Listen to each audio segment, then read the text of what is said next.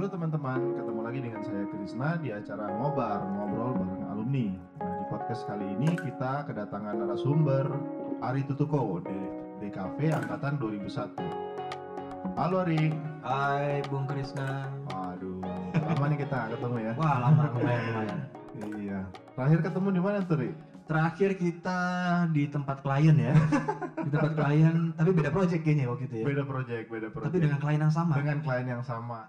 Iya, Watson Watson. Watson nah, di Kokas ya? Iya. Ah, Kokas. ah. Iya, apa kabar nih, Ri? Eh sampai saat ini masih sehat-sehat aja sih. Alhamdulillah. Nah, Gimana keluarga sehat semua? Keluarga alhamdulillah sehat. Iya. Semuanya ya masih dalam lindungan yang di atas lah. Amin, amin, amin, amin. Nah, kalau kerjaan sendiri gimana nih? Nah, itu dia yang agak sulit. Kayak semua mengalami nih ya. Di saat Gimana? pandemi emang agak-agak ya gimana ya? Mm-mm. tidak tidak boleh menyesali terus eh, bersedih hati apa segala macem ah, cuman mensyukuri juga agak sulit Iya, ya iya. karena kebutuhan juga di Iya, ya iya. gimana terus berjalan gitu ada Iya. banyak bill yang harus datang Oh. ya. cicilan-cicilan gitu. Ya. Iya, iya, iya, iya. Nah, oke, sebelum mulai nih, nih, gua mau rapid test dulu nih. oke Gua eh, pengen kasih beberapa pertanyaan nih buat lu, lu jawab cepat, Hmm, gak usah mikir, gak usah mikir gak usah mikir, jawab aja. oke Iya kan? Oke, kita mulai ya. Musisi atau desainer? desainer 2D atau 3D? 3D Digital atau manual? digital Pantai atau gunung? pantai Biru atau ungu? biru Oke. Tadi lu pilihnya apa tuh biru tadi ya? Oh iya, iya. yang terakhir iya yang terakhir biru Nah, karena lu pakai baju biru atau gimana? Iya. Nggak, kebetulan gue ngeliat logo IADKV itu warnanya biru. Wah, Jadi iya, oh biru itu. Fast thinking ya. ya jadi begitu. Tadi 2D 3D? 3D. Kenapa tadi? Eh karena apa ya? Pengen naik kelas aja gitu dari dari kelas 2 jadi kelas 3 gitu. bagus bagus. Kalau musisi desainer, gue tahu sebenarnya lu kan anak band juga ya. Iya. sebenarnya. Tapi Tapi sebenarnya memang eh, kenapa tuh? apa ya? Passion gue sebenarnya lebih ke desain, Mm-mm. tapi ada nafas gue di musik gitu. Passion, passion sama napas bedanya tuh? Sama kan? Sama. Ya, jadi sebenarnya sama. Oke, ya oke. Itu intermezzo aja jadi. Yes. Nah, jadi di podcast kali ini tuh eh, diinisiasi sama IADKP kita pengen ngundang teman-teman alumni untuk sharing experience sama mungkin topik-topik atau tema tentang eh, profesi kita di dunia kreatif terutama di DKV yang jadi apa ya kalau gue bilang zaman sekarang nih DKV itu udah sangat luas ya generalis banget. Nah kebetulan gue mau tahu nih pengalaman dari lu nih dari awal lulus sampai sekarang itu gue pengen tahu gimana sih eh, perjalanan karir lu karir lu sendiri Oke, karir gua itu dimulai dari eh, dari tugas akhir kampus. Oke Tugas kampus eh karena tugas akhir gua itu eh, sesuatu yang dibayar sama kampus. oh gitu Yes. Oh. Jadi apa ya? eh, waktu itu gua redesign website kampus. Itu juga oh oke. eh, banyak pemikiran sih maksudnya untuk mencapai gua ngambil itu tuh banyak pemikiran Mm-mm. dari ongkos nggak punya ya kan gue ngeliat dari senior senior ngeluarin budget buat ngeprint buat apa Iya, iya, segala iya. macam Heeh. Eh, sampai berjuta-juta sedangkan gue masih kuliah belum kerja Ha. gimana caranya gue bisa bertahan nih iya menyelesaikan kuliah tapi dapat duit oh oke Iya kan? oke. Akhirnya gua masuk lah minum air tuh ya betul Oke. akhirnya gue masuk lah itu Ha. redesign website yang kebetulan memang pada saat itu websitenya masih standar banget website kampus kita mungkin zaman dulu belum belum kepikiran apa UI ya istilahnya belum Nggak, belum ada ya. Heeh, jadi dulu tuh masih banyak flash Hmm, masih apa iya, iya, segala iya. macam nah udah dari situ gue masuk eh gue masuk ke waktu itu pembimbing gue minta ini Ya. yang akhirnya ya udah ya disetujui sih disetujui dan akhirnya mau dibeli sama kampus dipakai Jadi dipakai. Heeh, Hmm. jadi dipakai daman ya ya itu jadi pas lagi sidang pun juga pengeluaran gua cuma berapa puluh ribu eh, nggak nyampe lima puluh ribu cuma buat ngeprint skripsi Skripsi. karena semuanya gua proyektor Oh, oh Jadi, iya lu karir- ini ya, karena iya, website, benar-benar website. Oh, jadi juga kan ya. gua nggak ada ngeluarin duit sama Bener, sekali Bener banget, bener Iya, banget. itu. itulah design thinking proses Oh iya, iya, Iya kan? iya. dari empati gue lihat dulu nih sekeliling ada Iya, apa nih yang iya, kurang iya. nih Iya, iya, ada iya. problem nih website Iya, iya. keluar idenya cepret ini gue Nice, solve problem nice. lo Mana dan- duitnya dan dibeli? benar-benar dipakai ya. dipakai cuman ya itu ngerinya adalah pas saat sidang yang datang purek Gimana tuh? karena ini buat kampus Oh ya iya kan benar-benar. Jadi Karena pas- mereka usernya ya. betul jadi selain yang menilai di kursi belakangnya itu ada beberapa purek dan gue ya sedikit keringet dingin sih Iya, bahasanya iya, sih. iya. ya itu sih eh, itu pertama gue mendapatkan uang Iya, iya, iya. dari eh, tugas akhir. tugas akhir Nah. Habis itu begitu keluar, gua ditarik di satu agency, Makom, Ah, ah. Eh, ya dari dari desainer senior lah ya, dari Ah, senior ah. desainer sampai akhirnya gua art director, yang kebetulan di situ juga banyak tim gua anak Paramadina, Oh ada banyak. Siapa hmm, aja tuh? Ada? Aan, Andreas. Andreas, Oh, iya. ya kan, ada Andreas, ada Rani, Rani, oke. Rani, Rani. terus ada waktu itu 2003 ya? eh, eh, eh, Ocim, Ocim 2000. Abdul Rahim 2000, Iya. anak 2000, terus ada eh, Dimas, Dimas 2002. Kayaknya 2003 ya, 2003 deh. 2003. Halo Dimas. Terus Terus ya dari situ ya lumayan sih itu gue tiga tahun 4 tahunan. Terus oh lumayan ya. habis itu mulai di titik di mana eh, harga dis, eh, harga desain anjlok. Harga desain eh kayak komoditi ya. harga desain Iya. turun. Nah di situ apa ya? Gua ngerasa kayak gua harus lebih harus ya harus melebihi dari studi yang sekarang nih. Iya, iya. Habis dua habis studi berarti apa? 3D, 3D. ya kan? Ya itu Naik, naik akhirnya kelas deh tuh. naik kelas jadinya. akhirnya gue belajar lah, gue belajar Iya, 3D dan gue akhirnya memberanikan untuk eh, ngirim CV ke arsitektural di Denmark Hmm. de- di sana ada uh, namanya AR Stidern itu uh, arsitektural dia memang kantor terbesar arsitek di Denmark Iya. gue ngelamar situ sebagai 3D visualizer masuk Hmm, gimana tuh Ri, proses waktu lo nyari dapet itu pada dari network atau Eh, nggak ada sih nggak ada network sama sekali sih waktu itu tuh kalau nggak salah masih jobs di B ya jobs oh, di pakai jobs di, sampai sekarang masih ada. ya tapi kalau nggak salah sekarang ada job street Job ya? street ya ya. ya kalau dulu kayaknya jobs Jobs DB awal lebih awal ya, yang pertama ya pokoknya itulah gue cuma ngecek-ngecek oh lagi nyari nih Apply Nah, aja. apply jebret Oh. Masuklah udah di situ gue waktu itu eh, tesnya adalah Mm-mm. gue dikasih gambar gun, eh, gambar foto gunting Ah, ah. gue disuruh bikin 3D-nya Gunting. dalam waktu berapa ya nggak nyampe 10 menit Buset. untuk bikin 3D gunting Iya iya. dan plus render ya Hmm. jadi ya udah akhirnya gue bikin dadadadat, akhirnya gue berhasil ya tanya-tanya lah apa segala macam nah udah akhirnya gue mulai membelot dari desain komunikasi visual masuk ke arsitektural Sebagai 3D artist. sebagai 3D artist, Oke. 3D visual. Nah itu Iya, iya. eh, sebenarnya apa ya? Sebenarnya dari dari perpindahan itu aja gue sudah menemukan satu satu rangkaian atau satu ilmu yang memang gue bawa terus nih dari DKV gitu. Iya iya. Maksudnya eh, ilmu layout itu gue bawa. Oh ada base. Ada base-nya. Iya. Jadi dari layout yang tadi layoutin poster, flyer Iya. dan website segala macam. Begitu di 3D visualizer ini gue masuk ke interior, Iya, arsitektural, arsitektur. Hmm. layout juga dan basicnya sama. Ada Hmm. white space-nya, Oh. ada repetition, Iya, iya, iya. ada alignment, Iya, proximity, semua sama. Basic-basic oke. lay- uh, layout. Hmm. Nah itu yang akhirnya gue merasa nyaman di dalam 3D visualizer karena gue tidak perlu terlalu jauh berpikir kreatif Iya. karena gue hanya men, men 3D-kan blueprint Iya. yang uh, dari Denmark. Uh, habis itu gue touch up sedikit Photoshop, gue kirim, oke jadi. Nah pada saat krisis Eropa Oh. waktu itu Brexit gua, itu ya. nah itu Uni gue udah Eropa. mulai nih gelagat-gelagatnya kok agak ngeri ya nih si Denmark ini ya gitu Hmm. karena dari Denmarknya sendiri ada 200 arsip 200 lebih arsitek yang dipulangkan dirumahkan, Di- dipecat oleh- di pada saat Hmm. itu. Cuman kan ya mereka di Denmark hidupnya nggak kerja pun dibayar, Dibayar, sama pemerintah. benar, benar, nah benar. kita, ya kan? Iya, iya, kita iya. kalau di rumah kan mau Iya, ngapain? iya, iya. Nggak ngebul ya dapur. Pengeluaran mulu ya kan? Gojek lagi, gojek lewat, gojek, waduh gawat.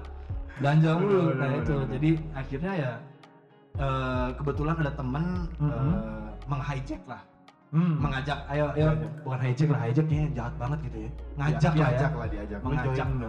menghajak itu gue untuk masuk ke perusahaan dia. Akhirnya gue masuk lah tuh ke Six Dimension. Di situ sebagai Six Dimension itu apa sih? Six Dimension itu sebenarnya uh, brand brand Brand activation. brand activation. Ya brand experience sih. Brand, Ya. expe- brand experience. jadi banyak uh, BTL-nya BTL. banyak on ground terus ya, segala macam lah itu. Uh, soal experience dari brand. Di situ gue masuk sebagai 3D designer. 3D designer. Hmm, jadi gue sudah tidak dilihat lagi sebagai kreatif director Uh, DKV. Oh, gue semenjak Iya, iya. masuk ke arsitektural orang Ah. udah malu oh Ari itu lulusan arsitek bahkan Oh, apa gitu? orang karena ngeliat portfolio iya, lu kali ya. karena ngeliat portfolio Iya.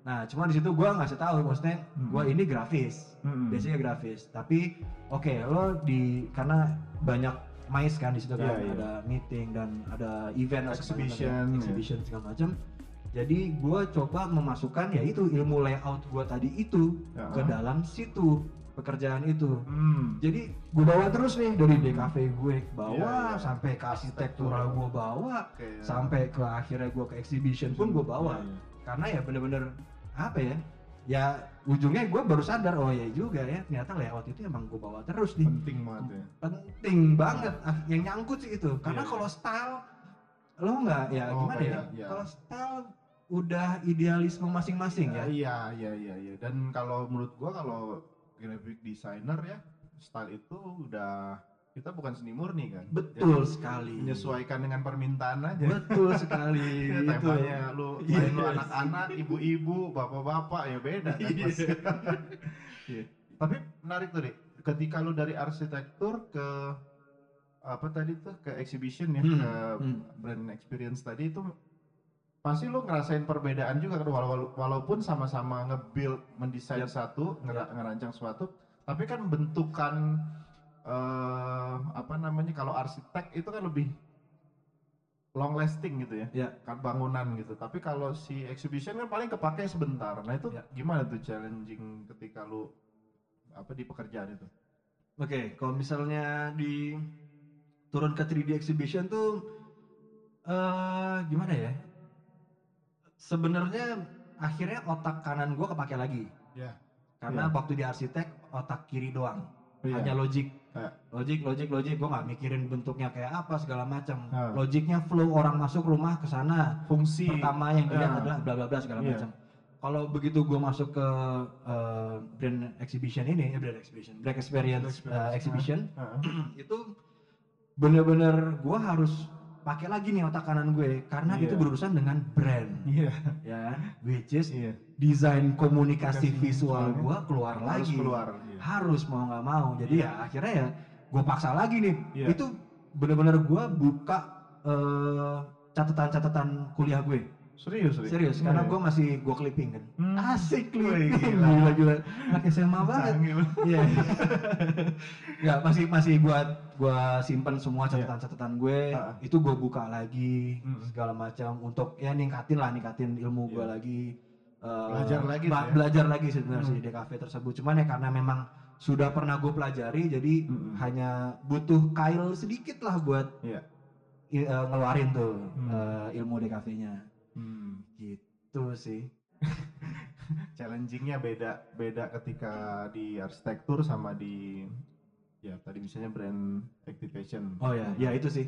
Eh, otak kanan sih. ya otak kanan tadi Karena begitu arsitek kan gue hanya 3D visualizer dari uh, blueprint. iya Gue tidak memikirkan ini harus pakai bahan apa, ini Iya. harus pakai biar kuat kokoh, ini harus tingginya berapa Iya, kali iya. berapa itu. Karena itu yang gue hindari pada saat kuliah. Nah ini nih sedikit nih, sedikit nih.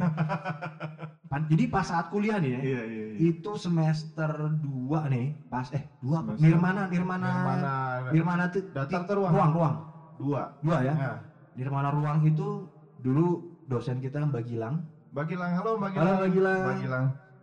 udah bilang ke gue, Ari, Ah. lo tuh anak produk, Oh gitu. lo tuh 3D, lo bukan grafis, lo bukan 2D. Udah dibacain gue, Kok bisa? Gua, ah itu dia. Berarti dia punya cenayang juga. Ya itu. Ya kayaknya dia ngulik-ngulik, kayaknya dia kepo sama masa lalu gue. Oh. Enggak. ya, jadi emang dia uh, mungkin melihat dari Potensi. potensi ya. Karena Nirmana itu kan bener-bener lo ngelihat lo tuh arahnya ke mana sih? Iya. 2D apa 3D Iya. gitu. Gue udah dibacain segala macam. Hmm. Cuman gue disuruh mikir. Lo mikir deh. Lo mendingan terusin ke DKV atau enggak lo masuk ke DP. Hmm. Terus gua, baca lah, ya kan? Sat. Oke, DP ada apa aja nih? Sat. Fisika dasar, coret mbak, gua DKV langsung. Ampun, hitung-hitungan gua Tapi males beneran, banget. beneran ada tuh. Beneran, beneran ada. Fisika Berarti dasar. anak produk Bisa ngitung, itu dia. fisika. Bisa, Wow. mereka bisa masuk akuntansi. Oh. Enggak, cuman ya itu gua agak ya akhirnya gue pindah ke DKV, ya gue milih DKV karena gue menghindari hitung-hitungan sih. Hmm. Yang akhirnya di dunia kerja gua itu harus belajar Kena. lagi kan Iya. hitung-hitungan. Malah kena. budgeting. Nah itu Makanya tanggung jawabnya lebih besar. Nah, gitu. Cuma- bagi hilang sih nggak maksa-maksa Iya iya. Terus terus. gitu ya udah akhirnya ya jadi eh, yang tadinya gua nggak tahu bahan di saat gua masuk ke exhibition gua harus tahu bahan yang dipakai karena eh, bukan bahan yang bakal everlasting tapi Bahan, buat bahan yang bisa exhibition. dipakai ulang Iya. Recycle karena ya. recycle exhibition kan lockdown. lockdown bisa dipindah tahu-tahu pindah kota harus naik kapal harus Iya. naik apa Iya. Nah itu harus dipikirkan. Nah itulah banyak pemikiran-pemikiran yang akhirnya eh di cafe gua, ya, jadi gua harus mengeluarkan, gua harus me- mengkomunikasikan eh, brand tersebut secara real, Iya. bukan hanya visual di layar, tapi secara real, Iya. visual secara real. Tapi gua tetap harus, gue juga harus memikirkan bahan apa Iya. sehingga bisa dipakai ulang, Iya. terus nggak makan tempat, Iya. Cost ini bisa ya. cost efisien terus eh, terma apa eh, regulasi-regulasi venue-nya segala Iya, macam itu gua harus pikirin Loading out, loading in. loading out tata cahaya apa Iya. segala macam ya kan kalau dulu tuh di enak Photoshop brightness Cat. Tapi lu malah suka, suka yang susah berarti. Itu kan lebih implementasinya lebih tinggi lagi daripada 3D. Lo benar-benar real nih lo. Real, Jadi yes. karyanya harus terlihat betul dan bersinggungan langsung sama klien bawa brand Terus, iya Iya. eh, ya itu sih jadinya emang emang tantangan kali ya Iya, iya, karena challenging banget. challenging karena emang pas di saat arsitek itu gue ngerasain bosen Karena, karena- cuma membuat visual aja. karena yang logik beda, banget iya. logik banget Eh, pengulangan Pengulangan. Pengulangan. Iya. Oke jam jam sem eh jam 9 kliennya di sana baru masih pagi. Jadi gua jam 12 baru bisa Skype, Oh iya. iya. gua baru bisa video call. tuh itu ya. Ah, jam Mulai 12 tuh gua baru bisa video call apa segala macam. Ya udah, dapat video call, dikirimin blueprint, gua bangun 3D, Photoshop, kirim. Ada masanya lu bosen juga. bosen sih, Nah. bosen sih itu bosen banget. Iya. Karena apa ya nggak nggak bisa krea kreativitasnya nggak ada. 4 tahun lo ya? Atau Hampir 4 tahun. Udah, Lumayan lama sih. lumayan sih. Nah kalau yang di Six Dimension tadi berapa tahun? eh hampir 10 September Berarti ini nyaman berarti sebenarnya di sini. September ini 10 ya ini karena ada pandemi Nah, sehingga mengakibatkan kantor Six Dimension ini eh, shutdown oh, jadi dia turun. Jadi dia eh, hanya by project tapi udah. Sebenarnya Six Dimensionnya PT masih ada ah, tapi udah nggak ada orangnya. Semenjak pandemi. pandemi. Berarti sebelum sih. Sebelum. jadi seminggu lah. Jadi emang kita sudah ngebaca eh, pandemi ini gawat buat mais Iya. gitu Iya, jadi iya. akhirnya eh, mau nggak mau ya dia harus Kita industri yang paling cepat ya betul sekali terdampak. betul tapi ya gitu karena eh, udah ada tabungan beberapa Iya. maksudnya beberapa project yang emang tabungan itu kita nggak bacanya kalau perkumpulan susah kita harus cari kerjaan yang lain nih Iya, iya. akhirnya kita masuk ke interior jadi brand interior Oh, sekarang ke interior. interior branding experience Interior branding experience. ya tapi eh, jatuhnya ya udah personal apa bener-bener nggak Bukan Six Dimension lagi. masih di kepala six dimension tapi Ah. by per project By project. Mm-mm. Oh. Jadi bukan gaji karyawan setiap bulan, setiap tanggal 6 gajian enggak. Berarti lu sebagai partnernya sekarang Sebagai partner. ya? Iya, iya. Yes. gitu. Gue ngasih angka nih, gue ngasih angka ke Six Iya, Dimension. oh, iya. gitu. Halo Six Dimension. dulu gak, dulu gaji gue sekian, Iya, iya, sekarang iya, sih. iya. Iya tapi ya cukup prihatin juga sih dengan kejadian kayak sekarang ini ya. Eh, teman-teman di asosiasi terutama MICE ya ada Invendo, ada Backstager itu juga ngalamin hal yang sama dan banyak apa ya perusahaan-perusahaan IO besar tuh ya yang akhirnya kolaps. Betul. Katakan kayak gitu. Ya mudah-mudahan bisa kembali seperti semula nih. Rik. Harusnya sih ya, Iya. ya memang susah ya. Pandemi kayaknya Iya. nggak akan berakhir ya. Kita Nggak- harus nggak hidup cepet ya. berdampingan kayaknya ya. Iya sih, ya. Tapi mudah-mudahan lah kan sekarang pemerintah juga udah buka juga sih tempat-tempat wisata segala macam. Ya mudah-mudahan sih vaksin ya. Iya. Kuncinya juga Kuncinya juga. kuncinya divaksin karena kalau dilepasin gitu aja sih ya kayak sekarang naik lagi terus kan yang Terus. positifnya. Iya iya. Nah menarik tadi back to eh, apa tadi Ri? brand experience apa interior ya tadi? Interior brand experience, Interior ya. brand ah, itu apa tuh Ri? Seperti apa sih contohnya? Contohnya adalah eh gini deh, eh, ruang tunggu di ruang tunggu di kantor Google misalnya, Oke. ya kan? Mhm. Orang yang datang belum tentu eh, berhubungan dengan orang dalam Google untuk meeting atau apa segala macam. Mungkin dia hanya buat eh, nganter barang, Kurir, ya. kurir, Ah, apa segala macam. Nah, Hmm.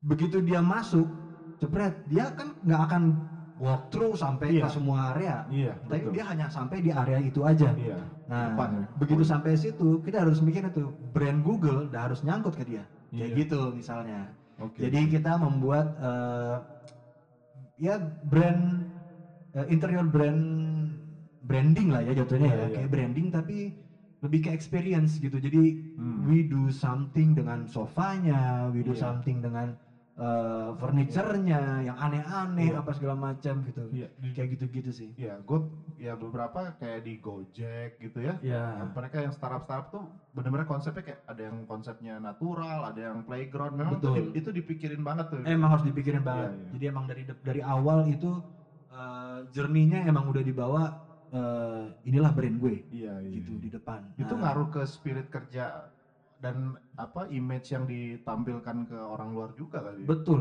Hmm. betul banget. Hmm. Nah ini kebetulan gue dapet project eh, Kalbe. Jadi gue Kalbe, oh, ah, oke. Kalbe Nutritionals itu mau bikin eh, semacam museum brandnya dia Mhm. di pabrik. Di pabriknya. di KB. pabriknya. Oh. Jadi bener-bener eh, dia pengen bawa orang umum datang ke pabrik. Tapi kan kalau cuma ngelihat pabriknya gitu aja, biasa ya. biasa aja Iya, gitu iya. ya kan. Proses Kayaknya nggak Iya. dapat experience-nya. Iya, nah, iya. di sinilah dibutuhkan interior branding experience-nya. Wah, menarik tuh, Rik. Karena Jadi belum banyak ya mi- mikirin kayak eh sebenarnya udah ada Nestle sih. Nestle dia udah ngeluarin.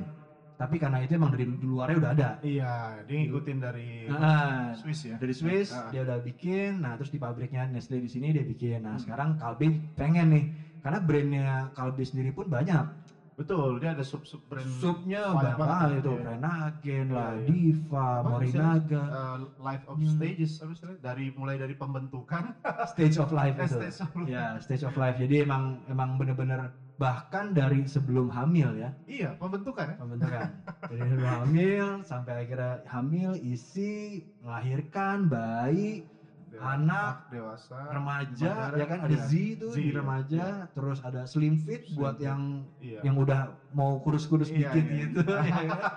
ada diva juga Diva, iya. sampai ke orang tua yang di diabetasol, Iya, yang iya. trasol, benekol Iya, gitu iya. segala macam. itu gak terdampak ya kalau di pandemi gini si Kalbe ini Untungnya sih belum. Terdampaknya adalah gue nggak bisa survei ke sana lagi nih, belum oh, karena masih ketutup surveinya ya benar, surveinya. benar, benar. Tapi kan gue sudah sempat tapi pabriknya Sebe- jalan tetap sebelum pandemi gue udah sempat ke sana, gue sempat Hmm. foto, layoutnya gue udah ada, Iya, gue udah iya. tahu akan membuat apa, journey-nya gimana, brandnya Oke. apa gitu segala macam gitu sih. menarik banget itu Ri. apa jadi satu apa eh, niche market lagi tuh ya kalau Iya. kita ditawarin ke klien tuh kan Betul. Iya, dan terutama klien-klien itu makin besar yang gue pernah dulu ri ke pabriknya Pepsi ri Pepsi ya. Ah, ah, di Cikarang sana itu memang ya menurut gue sering didatangin studi buat anak-anak sekolah Hmm, tuh hmm. proses pembuatan waktu itu mereka punya ada Miranda, teh, Ya. teh kita zaman dulu ada gigi tuh ya, Pepsi Blue.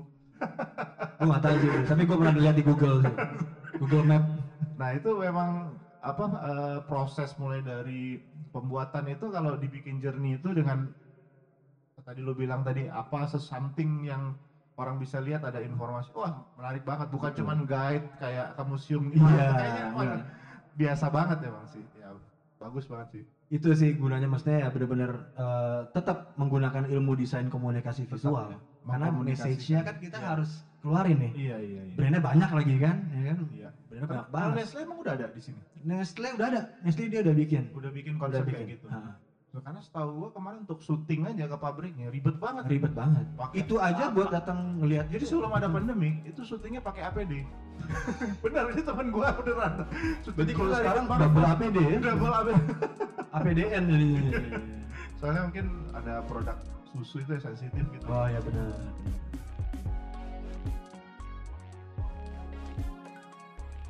Dari semua pekerjaan tadi yang paling lama lu di Six Dimension. Six Dimension, 10 kebetulan. Six Dimension Nah. paling lama. Yang paling klien yang paling challenging itu apa sih, Rik? Klien paling challenging. Iya. Eh, Mungkin ngeselin gitu atau atau yang lu bisa dapat award atau apa? Hmm, paling challenging sih IKEA ya. Kalau challenging ya, Iya. kalau paling challenging IKEA karena eh, dia brand furniture yang udah pakem, gak udah banyak guide-nya itu udah banyak banget gak bisa diapa-apain. Ini nggak boleh itu nggak boleh Iya. harus lempar dulu ke sana segala macam. Itu Swedia ya? Swedia. Itu eh, dan itu interior kan banyak Interior, kan, betul, betul. nah itu bener-bener pakemnya. Pokoknya produk ini harus sama ini produk ini harus sama ini. Memang bisa diacak-acak. Hmm. produk apa eh, furniture yang ada di Iya. eh, tempat tidur Mix bisa ditaruh di iya, dapur iya, bisa taruh di betul. mana apa Iya. segala macam cuman ya itu eh, kreativitasnya itu yang akhirnya jadi harus menggila menggila out of the box out of ya. the box-nya itu harus gila banget sih Iya ya. dan eh, challenging yang akhirnya gua gua dan tim gua berhasil lewatin itu Iya. adalah membuat vertical showroom Oh tahu gua tahu. ya tahu. vertical showroom Iya. itu challengingnya cukup wow karena nyekrup nyekrup produknya itu ya secara safety. kan lo harus kan? iya selain Iya. safety lo harus tahu harga harganya IKEA kan nggak murah-murah ya Betul. jadi setiap mau ngebor tuh aduh duh duh duh duh gocap hilang satu ribu dua ribu tiga ribu oke ini harga murah udah ya kan gitu itu challenging sih ide-idenya sih ide-idenya selama megang IKEA tuh cukup lama tuh ya. Cukup lama sih Campaign ya. Cukup lama maksudnya udah berapa tahun ya kita waktu itu megang empat tahunan Empat tahun. tahunan, ya? Lama. empat Berarti tahunan udah dari awal dari awal IKEA empat tahunan berarti ya Iya, iya. Berarti culture kliennya lu udah dapat banget udah ya. banget jadi democratic design itu Iya, semua iya. udah melekat lah di hati itu Mereka negara yang sangat go green banget itu ya. Swedia. wah banget Iya. Dan gue juga baru tahu kalau Nokia ternyata dari perusahaan kayu ya. iya dari Swedia juga. Gawat ya Iya, Iya, Swedia tuh gitu. iya negara yang sangat Swedia payung sebelum hujan Iya. ya. Oke, Ri. eh, kayaknya menarik banget nih podcast kita kali ini nih. Mungkin ke depannya lu bisa juga nih jadi host nih, Ri.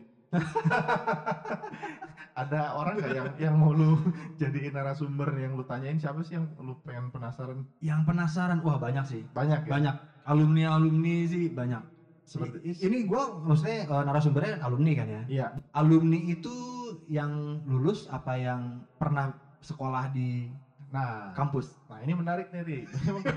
Berapa kali uh, ngubungin teman-teman ya memang rata-rata teman-teman ada juga yang nggak nggak tugas akhir. Menyelesaikan, ya. iya. Nah, Tapi kalau mereka nanti akan menjadi narasumber ya berarti dia sebagai praktisi. oke Ah, ah, tapi punya roots ya mungkin sempat belajar di Paramadina. Ada ambience awalnya basic ilmu-ilmunya tetap dapat dari Paramadina tapi mungkin dia sekarang jadi praktisi. Mungkin seperti itu. oke ke depannya. oke oke Hmm. oke Boleh aja siapa aja nih kalau memang lu ada referensi ya kita next episode kita bisa ajak juga nih teman-teman nih. boleh boleh boleh Hmm. banyak sih eh, mungkin Ranu salah satunya karena Ranu, dia sempat, sempat kerja bareng sama Ranu. eh saya Jopan waktu itu job. saya Oke. Jopan Di video ya? video ha Heeh. begitu bikin buat eh, visualizernya slang Oh. yang di yang yang mana tuh? yang masuk yang mahal pokoknya buat di ballroom ballroom Oh. Eh, apa namanya waktu itu ya gue juga lupa nih udah Iya, iya, agak lama slang ya. slang Hmm. itu terus ya apa ya gue suka lumayan sering sih maksudnya Sama sama ya? Ranu sih Dia kan banyak. sama Bimo Pikom juga tuh ya. ya tapi Apa? sekarang kayaknya sendiri ya sendiri-sendiri Nah, ya. kayaknya Nah. sendiri-sendiri gue juga agak Iya, iya. bingung Ranu menarik juga nih buat jadi narasumber. Ranu terus ada lagi Siapa eh sebenarnya sih Freddy Om sih gua Ini orang unik banget nih. Unik. Halo Om Freddy.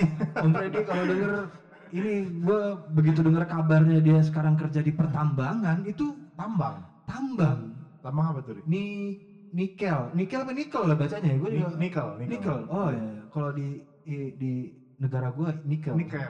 Nik- Lu agak timur-timur. itu tuh Iya, iya, maksud gua agak Menarik unik juga. aja gitu dia ngebawa desain komunikasi visual di pekerjaan pertambangan lu Iya, iya. ngapain gitu lu mau Berarti kan Mahat. posisinya sekarang di Maksudnya domisilinya? domisili katanya sih di luar Jakarta ya nah Oh, gue itu- bisa pakai IG lah, oh bisa Bisa. oh masih bisa bikin. kena berarti ya Bisa, berarti bisa. lu nggak bisa kabur om terus Unik juga tuh menyimpang ya. Iya, sama Mas Nuri sih.